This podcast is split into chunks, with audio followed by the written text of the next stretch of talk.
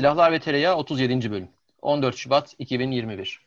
Merhaba. Silahlar ve Tereyağı Podcast'te Kubilay Yıldırım'la birlikte silahlar, teknoloji, strateji ve diğer konuları konuşuyoruz.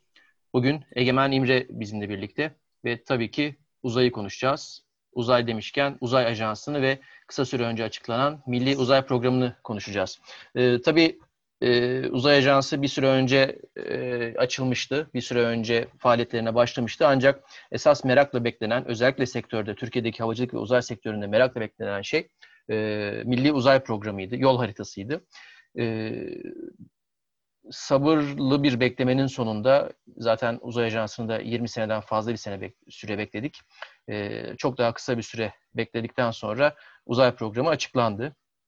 Tabii oldukça e, bir kısmı oldukça iddialı hedefler, bir kısmı oldukça ilgi çekici hedefler ve bunlar da kamuoyunda açıklandığından bu yana, salı gününden bu yana yoğun bir şekilde konuşuluyor, tartışılıyor.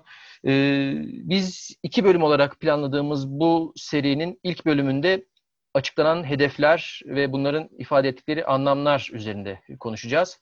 İkinci bölümde ise e, bundan ötesini, bundan sonrasını ve yapılması gerekenleri e, önümüzde bulunan fırsatları ve riskleri masaya yatıracağız. Ee, hemen kabaca açıklanan e, Milli Uzay Programı'nın e, hedeflerinden şöyle bir bahsedecek olursak, tabi bazıları e, kamuoyunda epey bir dediğim gibi ses getirdi. Bunlardan en başta geleni herhalde Ay programı. Ay yüzeyine bir araç gönderme hedefi. Bunun dışında neler vardı? E, uydu üretimlerinin tek çatı altında toplanacağı bir e, yerli uydu geliştirme programı, bir şirketleşme burada tabii öngörülüyor. Bir başka önemli hedef bölgesel korumlama ve zamanlama sistemi projesi. Bunun hedef, hayata geçirilmesi hedefleniyor.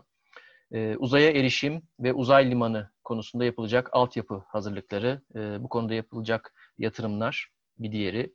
Yine kamuoyunda e, bir süredir e, çokça konuşulan e, çok ilgi çeken bir konuda e, uzaya bir e, Türk astronot gönderilmesi, bir e, uzaya insanlı bir bilim misyonu gerçekleştirilmesi. Bu kapsamda uluslararası bir işbirliği tabii ön planda. E, hatta e, Cumhurbaşkanı Recep Tayyip Erdoğan'ın da e, başlattığı diyelim bir kampanyayla e, uzaya gönderilecek bu insana verilecek isim işte astronot, kozmonot, taykonot, bir ara Gökmen konuşulmuştu. Milliyetçi Hareket Partisi lideri Caca Bey'i önerdi.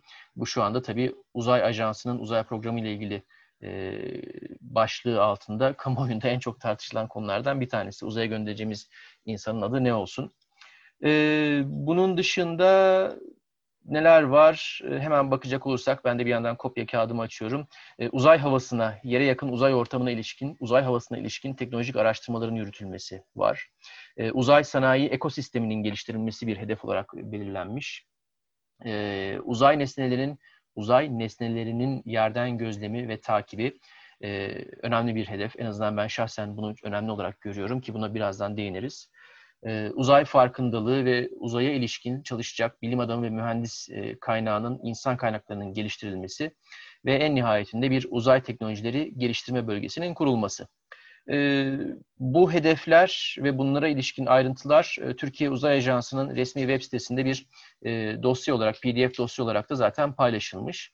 E, detaylarını merak eden dinleyicilerimize bu e, programın bağlantısını ayrıca paylaşırız. E, biz biraz bu hedefler ve bunların etrafında konuşacağız. Dediğim gibi ikinci bölümde de bundan sonrasına ilişkin e, görüşlerimizi, temennilerimizi ve e, naçizane uyarılarımızı paylaşacağız. E, sözü hemen e, özel konuğumuz Egemen'e paslamadan önce ben ufak bir arka plan bilgisi vereyim. Ee, uzay ajansı tabii az önce bahsettiğim gibi yaklaşık 20 yıllık bir beklemenin belki daha fazla uzun süren bir beklemenin sonucunda 13 Aralık 2018 tarih ve 30.624 sayılı resmi gazetede yayınlanan bir Cumhurbaşkanlığı kararnamesiyle kuruldu. 23 sayılı Cumhurbaşkanlığı kararnamesi. Bu kararname Türkiye Uzay Ajansı'nın kuruluşunu, ana görevlerini ve yapısını tanımladı. Hemen ertesi senede 22 Kasım 2019'da yayınlanan resmi gazeteyle Uzay Ajansı'nın yapısında ufak bazı değişiklikler yapıldı. Kadro yapısı e, ya da açılacak kadrolara ilişkin e, belirlemeler yapıldı.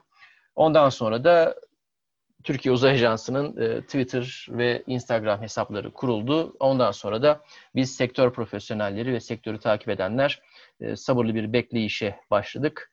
E, geçtiğimiz salı gününe kadar ve Milli Uzay Programı da e, açıklandı. E, şu anda Uzay Ajansı faaliyetlerini az önce bahsettiğim bu kararnameler ışığında yürütüyor. Henüz Uzay Ajansı'nın e, bir kendi kanunu yok, kuruluş kanunu yok. Bu da tabii Uzay Ajansı'nın teşkilat, kadro, bütçe ve faaliyetlerini yürütebilmesi, bunların bir e, omurgasının teşkil edilmesi yönünde önemli bir eksiklik. Dolayısıyla aslında bu bölümde benim naçizane ilk tespitim e, ve ilk görüşüm diyelim e, bir an önce Türkiye Uzay Ajansı'nın kendi kanununun oluşturulması olacaktır. Aslında bu o kadar önemli bir konu ki belki de Uzay Ajansı'nın kanununun henüz olmaması bundan sonraki belki konuşacağımız konuları da biraz e, açıkta bırakıyor olabilir. Hatta belki bu bölümü böylece kapatabiliriz.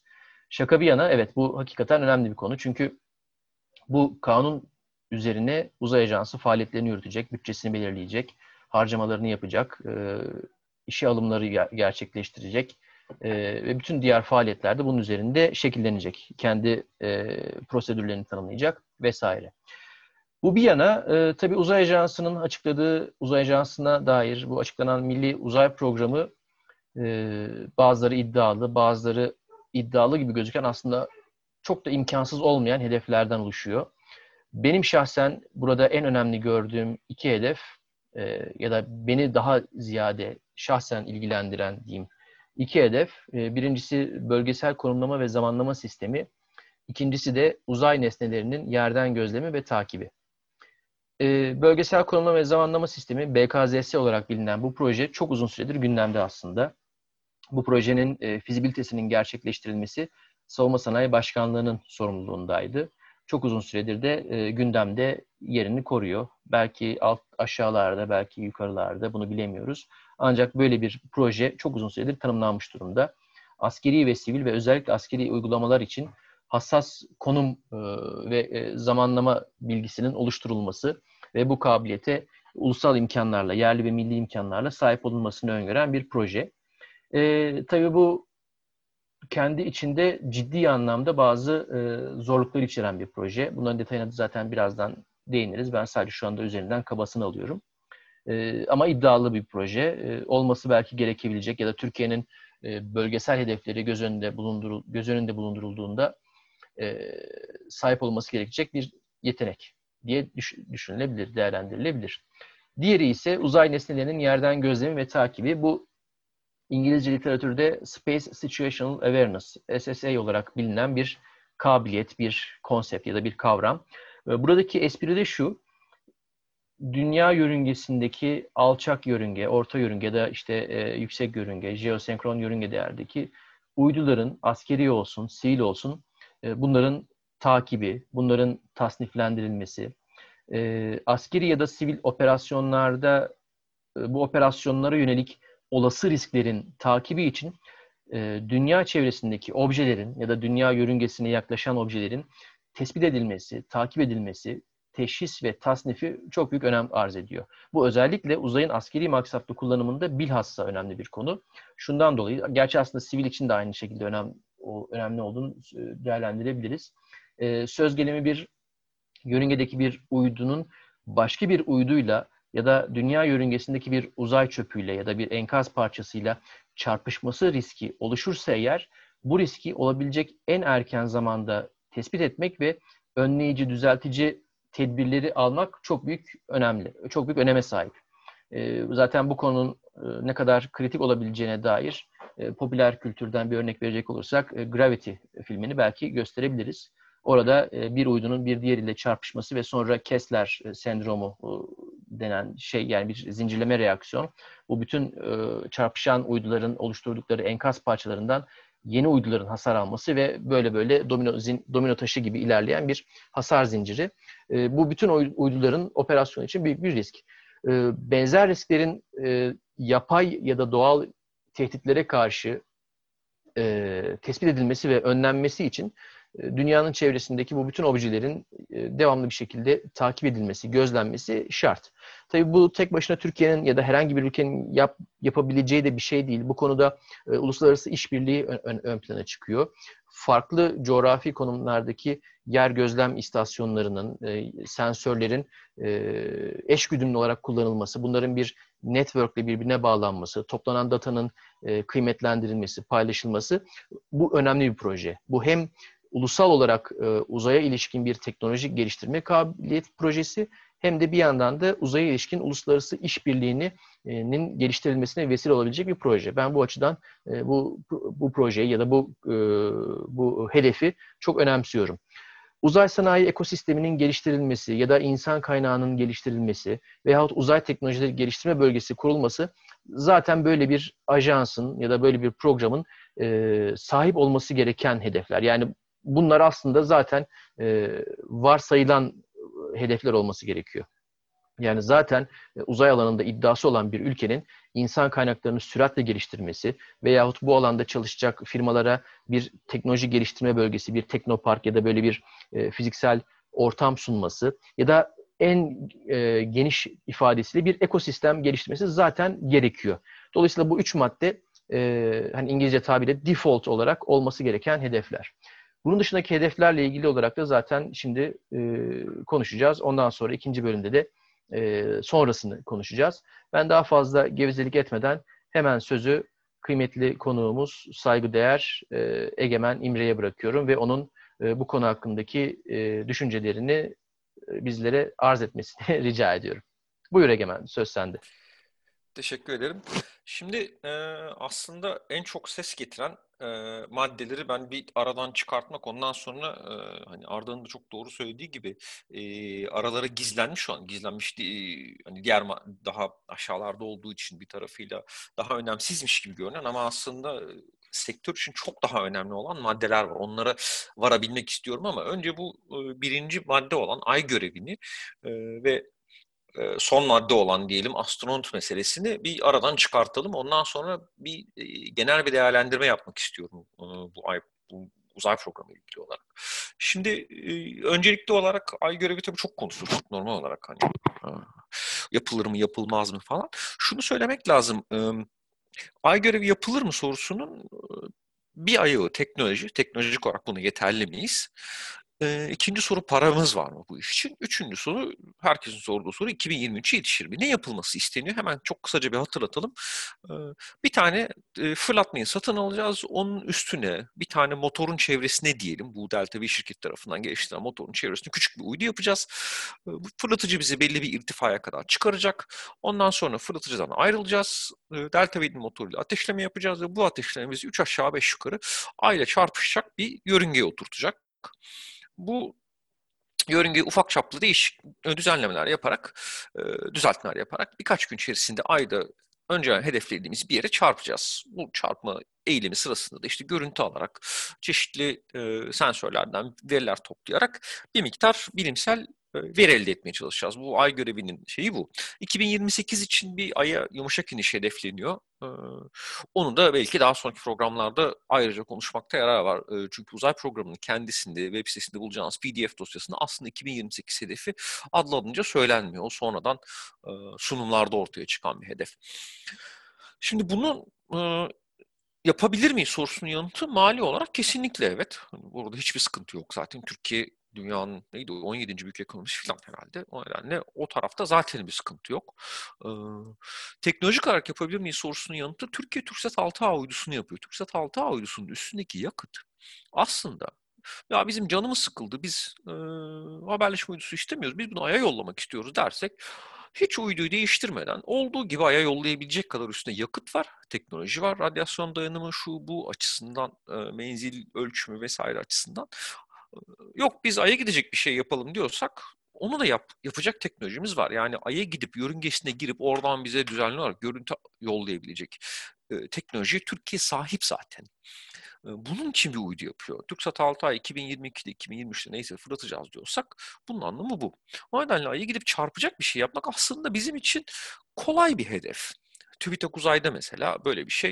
E, bu teknolojik birikim TürkSat 6 ana yüklenicisi olarak var zaten. O yüzden hani bunu yapar mıyız yapamaz mıyız sorusunun yanıtı evet çok zor değil. Ha, 2023'e yetişir mi sorusunun yanıtı orada bizim kontrolümüz dışında olan konular var. Tedarikler gibi, bütün idari meselelerin zamanında çözülmesi gibi çok basit bir örnekle söyleyeyim. Arda'nın dediklerine ilave olarak yani kuruluş kanunu var mı? Bizim uzay programımızın başarısını belirleyecek şeylerden bir tanesi Uzay Türk Uzay Kurumu kamu ihale kanununa tabi mi olacak? Çünkü kamu ihale kanunu ile çok yavaş bir şekilde tedarikler yapabileceğiniz için örneğin fırlatmanın tedariğini biz Göktürk 2'de ve e, Rasat'ta kamu ihale kanunu yaptık. İhale açtık yani. Bu tür işlere giderseniz işler çok yavaşlayacak ve 2023 gibi hedefleri böyle bir idari altyapıyla kurmak mümkün olmayacak. O yüzden Arda'nın en başta söylediği şey çok doğruydu. Ee, hani bu işleri yapabilir miyiz sorusu heyecan verici ay görevlerin değil son derece sıkıcı kanunları yönetmelikleri olarak şey olacak ama bunu ikinci bölümdeki programa saklamak istiyorum aslında. Ay görevi işi böyle. Ee, bu nedenle hani yapılır mı sorusu evet kesinlikle yapılır. 2023'e yetişir mi? O biraz bana kolay değilmiş gibi geliyor. O konuda biraz endişeliyim. Bizim elimizde olan ve olmayan sebeplerden bahsettiğim en basitinden işte yakıt tankını tedarik edeceksiniz. İticilerinizin valfleri gecikebilir. Ne bileyim ben. Birçok şeyin e, uzay sektöründe kimse rafta bulundurmuyor. Siz bir şey istediğiniz zaman o şey üretiliyor. Onlar da gidip başka birilerine tedarik için gerekli siparişleri geçiyor falan filan. O yüzden bunlar çok zaman alıcı süreçler.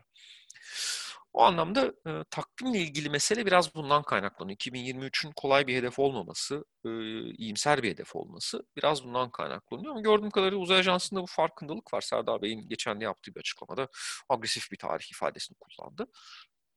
Bu anlamda Ay meselesi bu şekilde. Astronot meselesi de şöyle. Türkiye çok uzun zamandır aslında bir astronot için uğraşıyor. Çeşitli kanalları deniyor ama şu ana kadar başarılı olamamıştı. Ancak bir fırsat penceresi aslında açıldı. Çünkü Uluslararası Uzay İstasyonu'nun ömrü dolarken şimdi tekrar ömrünü uzatmak istiyor ama korkunç para yiyen bir şey olduğu için bunun daha ticarileşmesi ve bir anlamda para getirir, masrafını çıkarır bir noktaya getirilmesi açısından uzay turizminin açılması ve isteyen herkesin diyelim parasını bastırdığı müddetçe gitmesi düşünülüyor. Böyle olunca Türkiye'nin de e, koluna Türk bayrağını yapıştırıp uzaya yollayacağı birilerini e, gönderebilme imkanı bu anlamda artıyor. Bu nedenle 10 hani, günlüğüne uzaya gidecek birisinin yollayabilir mi Türkiye? Kesinlikle yollayabilir. Bunun için gerekli parayı koyar. maksimum faydayı elde eder. Bu hem kamu iletişimi olarak olabilir ya da 2-3 tane bilimsel deney nasıl olabilirse artık bilemiyorum. yanına verilerek olabilir. Maksimum fayda sağlanmaya çalışılır.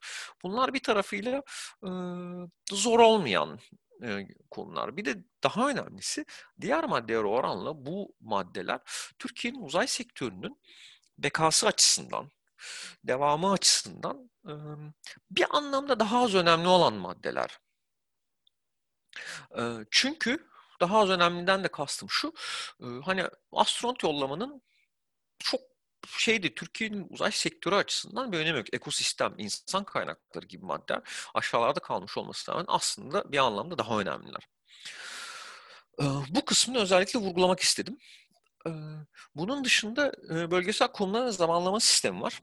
Gene önemli maddelerden. Tabii bunda çok uzun yıllardır konuşuldu. Aslında belki de şunu vurgulamakta yarar var. Uzay Ajansı'nın açıkladığı bu yol haritası da e, uzay sektörünün içindekileri açısından çok az yeni madde var. Ay görevi dışında hani tahmin edilebilen ama e, bilinmeyen diyeyim bir görev ama onun dışında geçmişteki dokümanlara bakıldığında birçok dokümanda burada bahsedilen hedeflerin çok büyük bir çoğunluğundan zaten bahis geçiyor. O nedenle e, sektörün içindekiler uzay yol haritasında yeniliklerin eksikliğini gördüler açıkçası bence birçok madde bilindik maddelerdi. Bölgesel konuların zamanlama sistemi de bu şekilde bir madde. Herkes buna bir uzay projesi olarak bakıyor ama aslında bölgesel konuların zamanlama sistemi bir uydu projesi değil. Uydu bunun bileşenlerinden sadece bir tanesi. O kısmına dikkat çekmek istiyorum. Bu çok büyük bir proje ve yerdeki atom saatlerinin çalıştırılması, bu hizmetin kesintisiz sürdürülmesi, jamming'den, spoofing'den vesaireden korunması gibi çok fazla konuyu içeriyor. Bu anlamda birçok özelleşmiş insanı, sadece uydu mühendislerini falan filan değil, birçok insanın çalışması gereken bir iş. Buradan da şuna gelmek istiyorum aslında. Bölgesel konumlama zamanlama sistemini yaptığınız zaman bu insan kaynakları maddesiyle çok bağlı. Türkiye'deki uydu konusunda çalışan insanların sayısı çok kısıtlı. Şimdi bu insanları bir projeye verdiğinizi bir başka projeye veremiyorsunuz. Ve o yüzden de Türkiye önündeki projeleri iyi seçmek zorunda. Bu anlamda hani bölgesel konumlama sistemi faydalı mı? Kuşkusuz. Bunu yapmalı mıyız sorusunun yanıtı biraz şuna bağlı. Bunun için hangi projelerden fedakarlık etmeye hazırız? Bu sorunun da yanıtlanmasında yarar var. Yani neyi tercih ettiğimizi bilerek mi tercih ediyoruz? Çünkü BKZS işine girersek bu iş için belki 6-7 tane büyük uydu yapılacak yer sabit yörüngede çalışan. Bunu yaparken başka neleri yapamayacağız konusunda dikkat etmemiz gerekiyor. Yu özellikle belirtmek istiyorum. Çünkü kaynaklarımız özellikle insan kaynağımız çok kısıtlı. Zannedilenin aksine paramız insan kaynağımızdan daha az kısıtlı. Uzay erişimi ve uzay limanı var. Dördüncü madde o e, bilindik bir madde. E, Roketsan'ın yaptığı Delta V'nin de gerilerden e, koşarak geldiği fırlatma konusundaki yarışta artık hani belli bir olgunluğa eriştikten sonra bu yapılacaktı zaten. Bu bir anlamda tahmin edilen bir e, madde.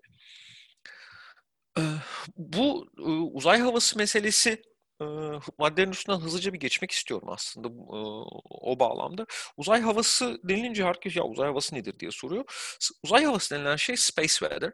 Yani dünyanın hemen dışındaki atmosfer diyemeyeceğim artık. yüklü parçacıkların dolandığı, radyasyonun yoğun olduğu, güneşin etkilerine çok maruz kalan, egzosfer vesaire, ionosfer gibi ortamın diyeyim araştırılması gerekiyor. Bu güzel bir hedef. Çünkü görece küçük uydularla, görece basit sistemlerle gerçekten güzel araştırma yapmak mümkün. Bu maddenin bir önemi de şu benim için. Türkiye bu uzay havası ve bir sonraki maddede uzay nesnelerinin yerden gözlemi ve takibi maddeleriyle sadece nasıl söyleyeyim dünyevi konulara ilgilenmekten geçip yani işte askeri uydu yapacağım, teröristi göreceğim, işte ne bileyim şunu yapacağım, şu stratejik hedefe odaklanacağım demek yerine ya bir saniye deyip kafayı kaldırıp ya dünyada ne oluyor? Ben dünyaya ne katabilirim? Dünyadaki gelişmeleri nasıl takip edebilirim ve literatüre ne gibi katkı sunabilirim gibi birazcık daha gündelik kaygılarından uzak ve daha büyük hedeflere odaklandığını gösteriyor. Bu anlamda bu iki maddeyi gerçekten önemsiyorum ben. Ee, ve e, uzay trafik yönetimi denilen, space traffic management denilen şu an çok popüler olan bir konu var. Yerden e, uyduların ve uzay çöplerinin gözlemlenmesi konusu. Bunu çok yeni bir şey değil. Biz TÜBİTAK uzaydayken ta yani yıllar geçiyor. 2012 miydi, 2014 müydü? Ee, bu konuda uluslararası bir FP7 projesinde yapmıştık. Bu anlamda uzay çöplerinin takip edilmesi meselesi de bizim e, içinde olduğumuz bir konu. Göktürk 2 ve Rasat'ın işletilmesi sırasında sürekli olarak gelen çarpışma uyarılarıyla mücadele ediyorduk. Bu anlamda e, bu projelere e, girilmesi ve tabii bunun bir de bilimsel kanadı var, astronomi kanadı var, radyo teleskoplar gibi. Benim gerçekten önemsediğim maddeler. Uzay sanayi ekosisteminin geliştirilmesi belki bir sonraki programda e, konuşacağımız konu. Keza uzayın yek, uzay ile ilgili yekpare bir şirketin oluşturulması. E, bunları belki e, bir sonraki e, alanda konuşacağız.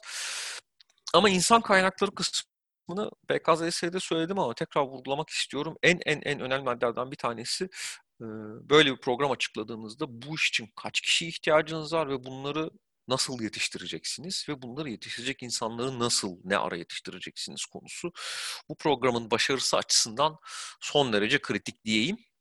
Ve de e, yavaştan kendi söyleyeceğim konuyu en azından şimdilik sonlandırmış olayım. Sözü herhalde Kubilay'a vereyim. E, aldığım notlarda da e, sizin işte söylediğiniz şeyleri tekrar etmeden ben de şu 10 maddeye baktığımda ne anlıyorum, ne görüyorum biraz onları anlatmaya çalışacağım. E, Egemen özellikle senin söylediğin gibi hakikaten aslında hani yenilikçilik açısından biraz sıkıcı bir şey e, format aslında bir, bir metin aslında. Neden? Çünkü ya işte bunların birçoğunun altlığı yarım yamalak kimisi tam e, birçok proje zaten proje olarak devam ediyordu. E, ve e, bu yani çok böyle yeni bir şey öğrenmedik aslında e, bu şeyle ilgili. Yine de işte e, maddelerin üzerinden geçince mesela benim şöyle bir hı falan dediğim e, özel noktalardan bir tanesi bu e, uzaya erişimle ilgili şey oldu. Ama hani sanılmasın ki vay be uzaya gidecek roket mi yapıyoruz? Onun biz olduk mu ya o kadar falan dediğim için değil. Evet Roketsan'ın katı yakıtlı ve sıvı yakıtlı e, yüksek performanslı ve e, yüksek e, e, enerjili e, sistemleri yani uzaya erişmeye yönelik e, sistemleri uzun süredir geliştirmeye çalıştığını, işte sonda roketleri vesaireleri falan filan atmaya çalıştığını e, biliyoruz ki yani bizim zaten e, basına da e, yansıdığı işte görselleri, videoları vesaireleri falan paylaşıldı. E, burada e, söylenen işte yaklaşık iki sene önceki şeylerin falan e, e, testlerin e, dolaşıma e, sokulduğu işte üzerindeki belki gizliliğin e, kaldırıldığı şu anda herkes ne seviyede onu açıkçası bilmiyoruz ama o zaten süre gelen bir şeydi. E, e, ve neydi? MUFA projesi, e, Milli Uzay e, Fırlatma Aracı e, dediğimiz e, araç projesi zaten devam edecek. Bu çok uzun soluklu e, falan filan bir e, açıkçası iş. Ha bunun da bir dolu boyu var işte İsrail falan da bir şeyler atıyor. İşte o kendi ofeklerini vesairelerini şey yapacak e, alt yörüngelere, e, alçak yörüngelere falan gönderecek işte sistemleri vesaireleri var. E, İlla ki işte kocaman delta e, delta 4 falan büyüklüğünde böyle işte delta e, heavy falan büyüklüğünde bir şey olması belki de gerekmiyor. Bilmiyorum işte onu zaman gösterecek ne olacağını ama orada bir çalışma devam ediyor. Fakat benim daha çok ilgimi çeken şey bu Delta V'nin hibrit roketi meselesi oldu. Ee, daha önce konuşmuş muyduk podcast'te e, hatırlamıyorum ama birazcık ondan bahsedeyim istiyorum. Hibrit roket dediğimiz şey dünya için yeni bir şey. Hakikaten benim bildiğim kadarıyla hibrit teknolojiyi kullanarak e, uzaya e, faydalı yük gönderen başka bir firma, ülke falan yok. Bir dolu çalışma var bununla ilgili çeşitli seviyelerde falan ama e, ticarileşmiş sürekli giden gelen falan öyle bir şey ben hatırlamıyorum, bilmiyor da olabilirim. Alo. E, Delta V'nin uğraştığı bu hibrit e, dediğimiz e, teknolojiye ise burada epeyce atıf var. Yani bu şey değil, ya Roketsan bu işte biraz geride kaldı. Onun için e, Delta V e, çok ileri gitti falan diye bir şey olduğunu zannetmiyorum. E, burada muhtemelen bir bir öngörü var, bir şey var. E, hani e, biraz belki doğru bir kullanım olmayacak ama bir vizyon var. Ya e, şey olayı, bu hibrit olayı e, uzaya erişimi çok basitleştirip ucuzlaştırabilen teknolojilerden bir tanesi olacak. Bu da henüz ticarileşmiş şey yapmış değil. Burada bir bir de burada bir e, fırsat penceresi var ve Türkiye olarak bunu değerlendirelim meselesi olabilir. İkincisi ya Roketsan ne olursa olsun şey e, bir e, askeri sistemler ağırlıklı çalışan bir yer e, ve e, aynı zamanda işte MUFA sistemi o işte sıvı yakıtlı, katı yakıtlı vesaireli falan e, şey yapan e, muhtemelen işte yanında boosterları olan bir sıvı yakıtlı sistem olacak. O sistem aslında askeri uygulamaları falan da olan bir şey olduğu için belki de e, uzay e, ajansıyla ilgili olan şeylerinde bir hafif bir araya bir tül perde çekmek, bir durumu görmek, şartları görmek falan için yapılmış olabilir. Çünkü bu e, açıklandığından beri herkes birbirine ya Türkiye ICBM mi yapmaya çalışıyor uzay ajansı şeyi altında falan gibi böyle şeyler e, dolaşıma sokmaya çalışıyor. Bunun kimisinin kasıtlı olduğunu tahmin ediyorum ben. Oysa MUFA vesaire falan bu projeler seneler önceden e, e, bilinen şeylerdi e, açıklanan şeylerdi. Burada bir e, toplu bir böyle şey var. Yine bir kamuoyu oluşturma e, kaygısı olduğunu e, seziyorum ben. Bunun yanında bir de şöyle bir şey de var. Mesela biz hani atıyorum SpaceX'in üzerine e, SpaceX'in mesela Fal- Falcon 9'unun üzerine bir üçüncü stage olarak belki de bir işte şey koymak istiyoruz. E, hibrit bir e, motor kendi geliştirdiğimiz Delta V'nin hibrit bir e, motorunu koymak istiyoruz. Ondan sonra işte onu fırlatmak istiyoruz falan filan. Ya nedir? E, e, hani e, şimdi o kadar e, emniyetli ki bu şey. Yani bir hibrit motor dediğiniz şey yakıt kısmı aslında bildiğiniz parafin yani mum malzemesi neredeyse. O yaktığımız mum malzemesine çok yakın bir malzeme. Onu işte döküp hatta onun üzerine şeyini sarıyorsunuz falan işte e, motor casingini sarıya, sarabiliyorsunuz falan öyle enteresan güzel şeyleri var. Çok imal etmesi çok ucuz, çok basit. Bir de hani bu işin handling'i de çok zor. Yani enerjetik bir malzeme yani katı yakıtlı ya da şeyli falan filan bir malzemeyi e, e, ellemeye işte bir roketinizin tepesine şey yapmaya, forkliftle indirmeye, vinçle kaldırmaya falan çalıştığınızda işin rengi çok değişiyor. Şey çok tehlikeli. Katı yakıt işte kendi içerisinde oksidizer'ı bilmem nesi falan filan da olan e, parlayabilecek biraz böyle sıkıntılı bir şey. Özel önlemler gerekiyor, pahalı önlemler gerekiyor, özel işte ekipmanlar kullanmanız gerekiyor falan ama öbürü parafin işte ucuna da oksidizer'ı bağlamadığınız sürece pardon yani bağlasanız da içini doldurmadığınız sürece içindeki işte oksitleyici neyse içine basmadığınız sürece e, herhangi bir işte ne bileyim işte bir yağ hani önünüzde taşıdığınız bir yağ tankeri işte hani nebati yağ taşıyan e, sıvı şey konteynerleri falan tırlar geçer ya yanınızdan ondan çok farklı olmayan bir araç aslına bakarsanız. E, o sebeple de belki bir şey olarak hani uydudan bile neredeyse belki daha basit, daha inert, daha duyarsız falan bir şeyi bir e, Falcon 9'un tepesine koymak e, belki daha kolay geliyor herkese falan ve e, işte geçen akşam şeyde Arif Hoca da Arif Karabeyoğlu da e, çıktı anlattı işte yani biz buna bir uzay tarihçesi kazandırmak istiyoruz bir mot- bu motoru diye ve muhtemelen ilk olacağız. E, belki de öyle bir e, şey var, e, heves var, öyle bir amaç var. Belki 10-15 sene sonra herkes oraya doğru yönelecek ve biz diyeceğiz ki ya ne iyi etmişiz bunu tam olarak açıkçası bilmiyorum. Bunu bekleyip göreceğiz. Ama e, şey e, sizin de söylediğiniz gibi Egemen özellikle senin söylediğin gibi hani burada bir şey yok. Gizemli bir şey işte olmaz. Aha iki senede mi uçacaksın? Yok ya bunun altlıklarının çoğu var işte yani. E, 2023'e yetişir mi? Yani yetişme olasılığı var ya uğraşırsan işte gerekli şeyi yaparsan olur. Niye olmasın ki? E, ama olmayabilir. Hakikaten o, o şey yapar e, o gecikir bu bilmem ne olur. İşte Covid'den dolayı şunu alamazsın, şu olur, bu olur falan filan. E, şey tahmin etmek çok zor. O, iki sene e, çok çok dar bir süre. E, ama yine de şey konusunda e, sürekli altının çizilmiş olması, işte delta delta V'nin altının çizilmiş olması falan bence ilginç böyle şey e, anekdotlu taraflarından bir tanesi.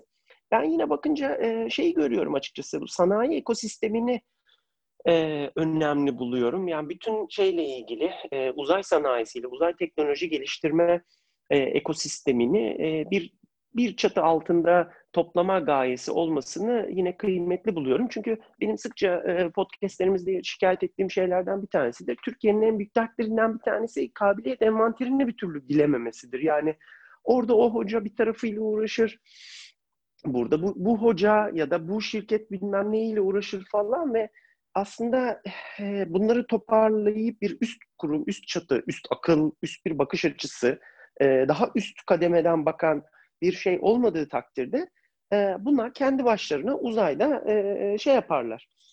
Serbest dolaşırlar ve bunların sinerjisinden ortaya bir ürün, bir yeni teknoloji, yeni bir uygulama alanı falan filan çıkmaz.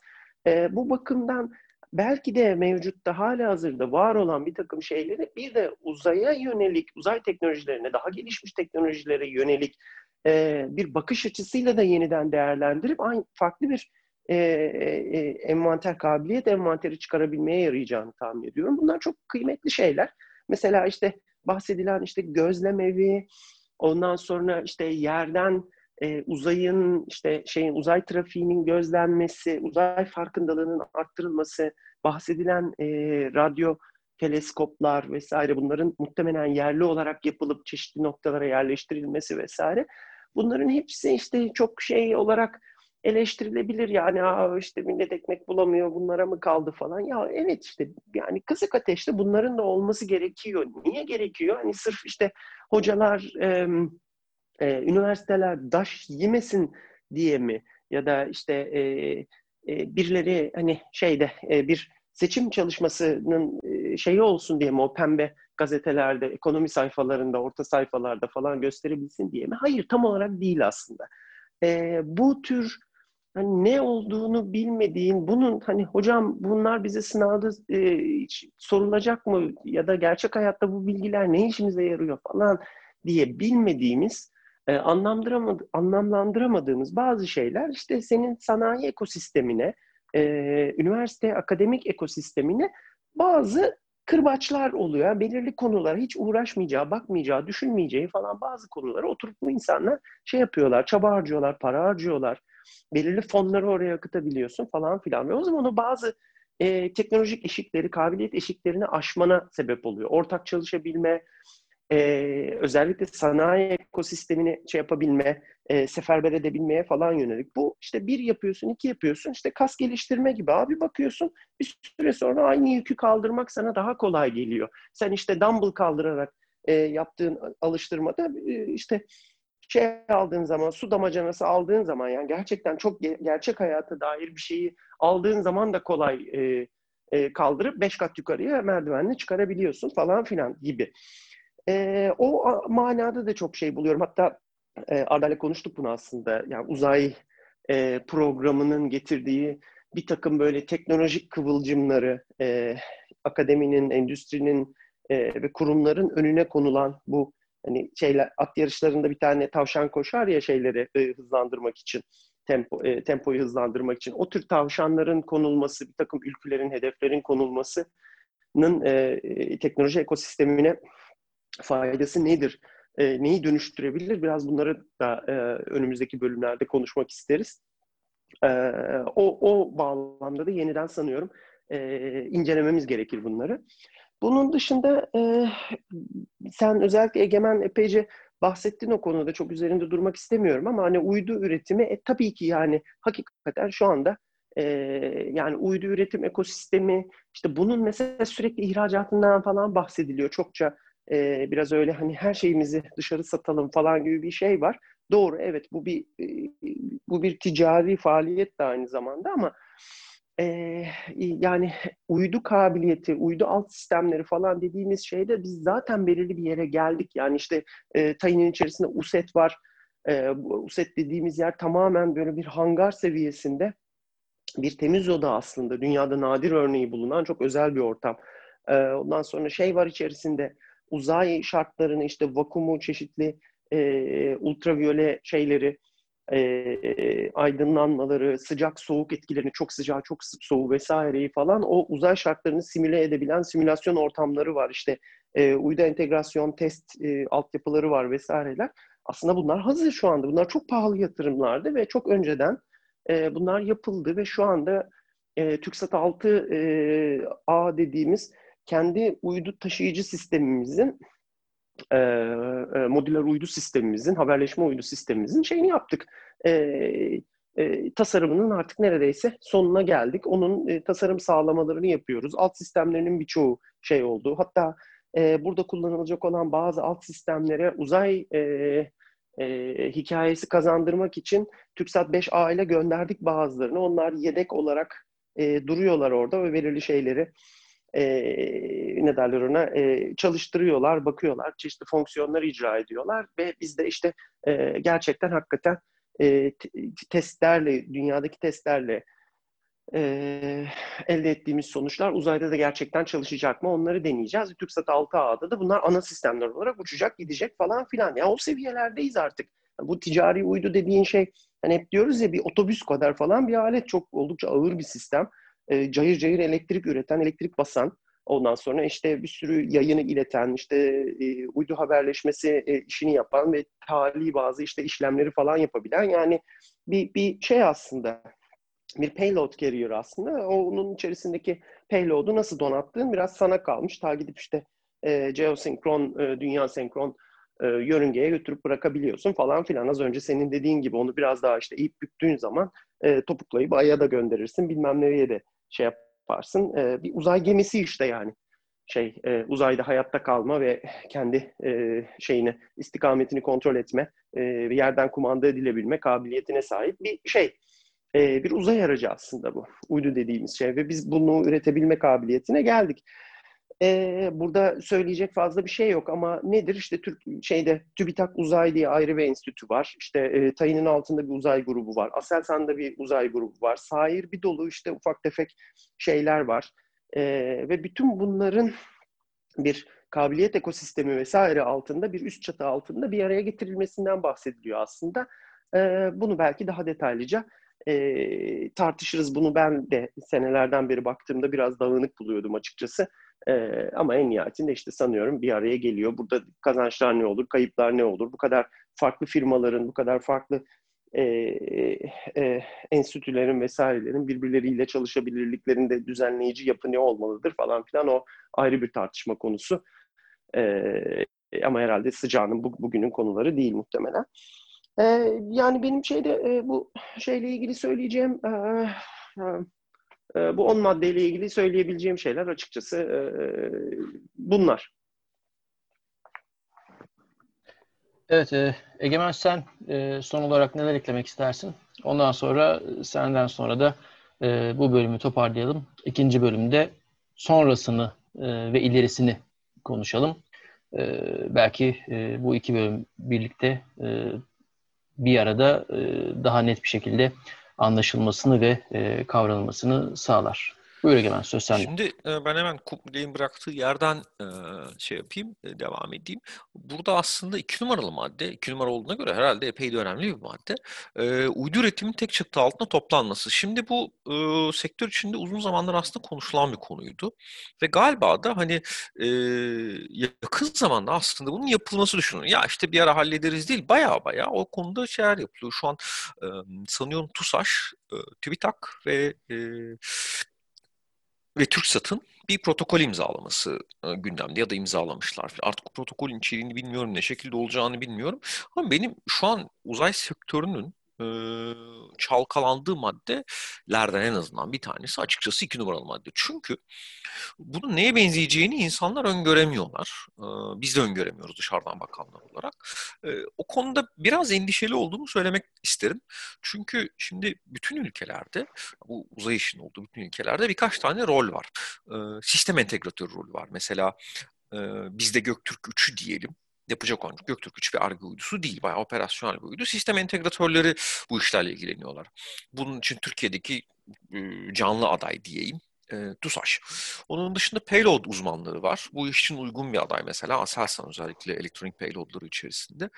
E, kamu argesi diye bir alan var uzay ajansı var. E, kamu argesi e, belki TÜBİTAK Uzay olabilir bu rol dağılımında. Şimdi bu rol dağılımındaki çeşitli oyuncuları bir araya toplama toplayınca işin içinden ne çıkacak e, konusunda biraz endişeliyim. Çünkü birincisi kurumların çok başka kültürleri var. İkincisi başka hedefleri var. Başka amaçları var, başka işlevleri var. Bütün bunları birleştirmek iyi bir şey mi çıkacak işin sonu, kötü bir şey mi çıkacak? O konuda biraz endişeliyim. Belki de beklentimin aksine pozitif bir sonuç çıkacak. Bütün bunlardan bir sinerji doğacak. Onu çok iyi bilmiyorum. Burada ajansın üstleneceği rol bu şirketin kuruluşunda rol dağılımlarını çok iyi yapmak olabilir ve benim gibi endişeli olanların endişelerini orta vadede boşa çıkartıp haksız çıkartmak olabilir. Ve onu özellikle vurgulamak istedim. Önemli maddelerden bir tanesi o çünkü. İkincisi de uzay programında ne var diye konuştuk. Nelerin yapılabilir olduğundan konuştuk ama neyin olmadığını da belki söylemek lazım. Ben birazcık bunu bekliyordum ve göremediğim için de biraz hayal kırıklığına uğradığımı söylemem lazım. yeni bir uydu projesi yok. Özellikle sivil kamu benim çok e, Twitter'dan takip edenlerin e, artık sıkıldığı gibi sivil kamu alanında hiçbir şey görememiş olmak beni birazcık e, üzdü. Örneğin tarım alanında olabilir, bilmiyorum madencilik olabilir, şu olabilir, bu olabilir. Türkiye'nin çok başka başka meseleleri var ve bu başka meselelere eğilen bir uydu projesi ni görememiş durumdayım. Uydu veya bir başka hani bu şu da olabilirdi. İşte yerde yazılımların geliştirilmesi ve uydu verilerinden daha iyi bir şekilde yararlanılması konusu gibi bir şeyleri de gözlerim aradı. Onu göremedim. Bu anlamda e, hani bilimsel tarafı işin var. Askeri tarafın olmaması çok normal. Ha, onu da söylemem lazım. Belki merak edenler vardır. Ya burada işte askeri uyduları niye görmüyoruz? O, o işin de normal kısmı. Uzay Ajansı'nın görevi askeri uydular olmadığı için o bambaşka bir koldan kendi yol haritasında diyelim e, ilerliyor. O yüzden onun görülememiş olması normal ama sivil uydulara dair ben bir şeyler bekliyordum. Bilimsel kanatta da biraz olsun bir şeyler gördük. Çeşitli imalar var. E, küçük uydular yapılabileceği, belli deneysel çalışmanın yürütülebileceği gibi adlı adınca söylenmese de hani oradan ipuçlarına tutunuyoruz diyeyim. E, ama bu konularda da birazcık eksiklikler olduğunu söylemem lazım. Belki o da başka bir kanattan yürür zamanı geldiğinde ama BKZS dendiğinde, Göktürk Güç dendiğinde, şu bu dendiğinde iyi insan kalmadı yani mühendislerimiz bitti geçmiş olsun gibi bir duruma geliyoruz maalesef. O nedenle BKZS kısmında vurgulamak istedim. Bunca uyduyu kim yapacak konusunun dikkatli düşürmesi lazım. Çünkü aklımızdaki, göl, aklımızdaki demeyeyim ama gönlümüzden geçen tüm uyduları yapacak kadar mühendisimiz olmadığını e, anlamamız lazım. Bunların sayısını nasıl arttırırızı anlamamız lazım. Sadece mühendisten de bahsetmiyorum. Uluslararası e, bu tür zorlu konuların tedarikçileri, proje yönetimi gibi özelleşmiş alanlarda insanlığın hızla yetiştirilmesi gerekiyor. Bu iş için de bir şeye ihtiyaç var. Belki hani projelerde denilecek ki insan kaynağı %10 arttırılsın. Bunu belki bir sonraki bölümde daha detaylı konuşuruz. Hani biz sizin ne istiyorsanız %10 daha fazla insan alın ki o %10'da sırf yetiştirilecek yedek personel olsun gibi belki bambaşka bir e, proje kurgularına ihtiyaç olacak diyeyim. Ve e, sözü de uzatmayayım bu bölümü daha fazla uzatmamak adına. Evet e, Egemen teşekkürler. Özellikle aslında son söylediğin şey belki de uzay programına dair e, en önemli tespitimiz olsun. Kolektif tespitimiz belki de. E, mesele para değil, bütçe değil. Aslında esas mesele insan kaynakları ya daha geniş perspektifte bir ekosistem. Tabii bu kelimeyi çok fazla her yerde gördüğümüz için artık biraz belki e, anlamından ve bağlamından e, kopuyor gibi gözüküyor ama aslında önemli bir kelime. Burada e, kastedilen şey hem yetişmiş nitelikli kalifiye e, insan kaynaklarını geliştirmek hem de iri ufaklı e, kurum kuruluşlarla, şirketlerle, çatı organizasyon ya da koordinatör olarak uzay ajansıyla, diğer kamu paydaşlarıyla e, bir işbirliği, e, bir etkileşim ortamının yaratılması. Ama dip toplamda iş geliyor dönüyor. Yetenekli, tecrübeli, iyi eğitimli, parlak beyinlerin süratle sayısının artırılması ve artırılması tabii ki yetmez, korunması. soyunulan projelerin bazıları teknik olarak, teknolojik olarak oldukça meydan okuyucu projeler ve bu projelerin e, yer, gerçekleştirilmesi için esas bariyer e, bütçe ya da e, teknoloji değil. Bütçeye ulaşım e, belli konularda belki çok zor olmayabilir. E, teknolojiye ulaşım belli konularda zaten artık çok zor değil. Ama esas o insan kaynağı, o işi yapacak, geliştirecek mühendis ve bilim adamlarını e, üretmek diyelim.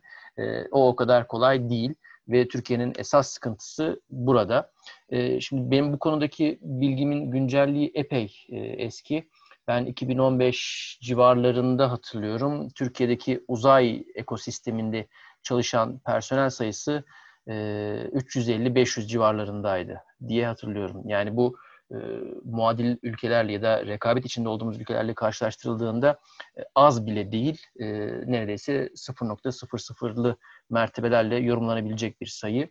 E, bu sayının süratle arttırılması gerekiyor. Tabii bu sayının artırılması sadece diplomasında e, mühendis yazan e, şahısların bu sektöre girmesiyle değil, bunların nitelikli, e, verimli bir şekilde e, çalışabiliyor olmasıyla alakalı bir durum.